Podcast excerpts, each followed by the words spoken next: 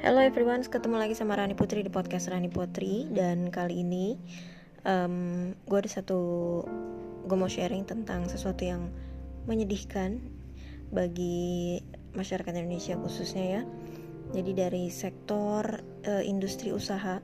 Ini pada tanggal 27 November 2019 yang lalu Indonesia dikejutkan oleh satu kabar duka dari keluarga Ciputra.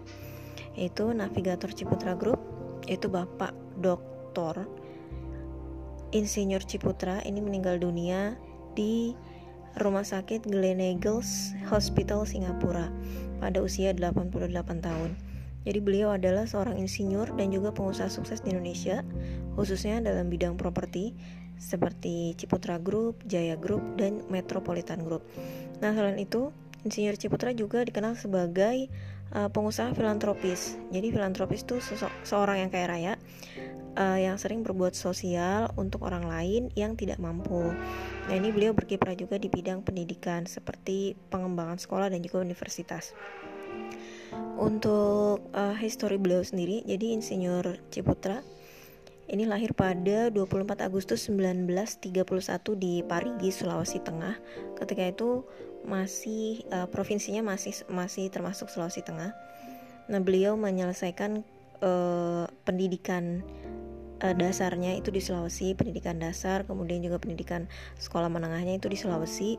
Barulah kemudian setelah lulus SMA itu merantau ke Jawa dan uh, berkuliah di ITB atau Institut Teknologi Bandung.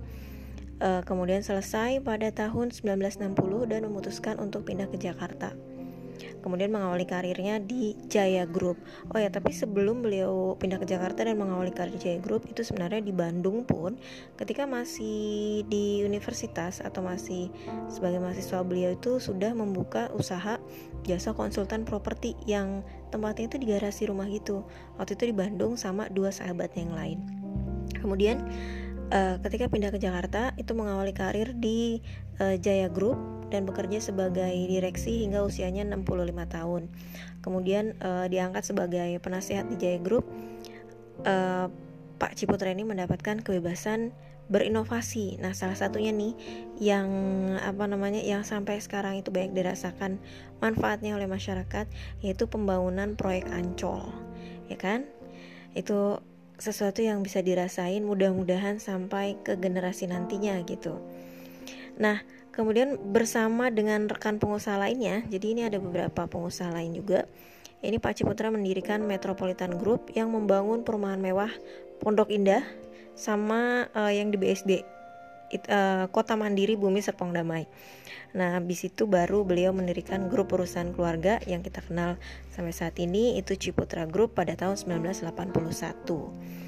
Dan pada usianya yang ke-75 tahun, beliau memilih untuk mengembangkan uh, mengembangkan di bidang pendidikan. Makanya kemudian didirikanlah sekolah dan juga Universitas Ciputra yang berfokus pada kewirausahaan. Jadi ini um, titik beratnya di bidang kewirausahaan ya.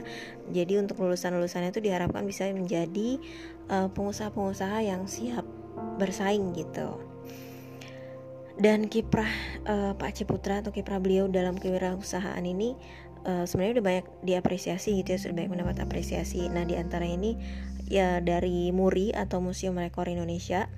Jadi ini pernah memberikan uh, dua rekor. Yang pertama itu rekor sebagai wirausahawan peraih penghargaan terbanyak di berbagai bidang. Dan juga yang kedua uh, sebagai pemecah rekor yaitu terbanyak penyelenggaraan pelatihan kewirausahaan kepada dosen terbanyak. Jadi kepada dosen yaitu setidaknya uh, jumlahnya itu 1600 dosen. Nah, untuk beliau sendiri ini pernah dinobatkan sebagai Entrepreneur of the Year tahun 2007 versi Ernst and Young. Terus pada tahun 2009, 2011, 2011 maaf, pada tahun 2011 ini majalah Forbes merilis daftar orang-orang uh, terkaya gitu kan. Dan kalau di Indonesia untuk Insinyur Ciputra ini menduduki peringkat ke-27, sementara untuk tingkat di dunianya itu yang ke 1941. Wow. Ternyata bisa masuk juga ya di peringkat dunia gitu. Dan saat ini bisnis Ciputra Group telah merambah ke berbagai sektor industri, jadi nggak cuma properti doang sama pendidikan, tapi juga ke bidang apa namanya, bidang medis, eh, kesehatan gitu. Kemudian juga ada bidang uh, media, terus juga ada telekomunikasi juga kalau nggak salah, sama finance. Jadi ada asuransi gitu kalau nggak salah, ada asuransinya bahkan nggak cuma di Indonesia atau di dalam negeri aja tapi juga udah merambah ke luar negeri. Kalau yang di luar negeri itu jadi uh, Ciputra Group ini punya beberapa usaha-usaha properti. Jadi bangun beberapa kayak perumahan gitu-gitu atau gedung gitu. Nah itu ternyata Ciputra Group juga sudah mengembangkan bisnisnya sampai ke luar negeri. Nah untuk uh, sosok beliau sendiri ini Insinyur Ciputra ini meskipun sukses dalam berbagai bidang usaha tapi dikenal sebagai sosok yang tetap sederhana dan juga seorang yang pekerja keras. Bahkan konon beliau itu jarang ngeluh. Itu amat-amat sangat jarang bahkan tidak pernah mengeluh ya. Tidak pernah mengeluhkan sesuatu gitu. Sedikit lah ngeluhnya itu gitu dan selalu mengajarkan prinsip-prinsip kejujuran pada anak-anaknya gitu kan.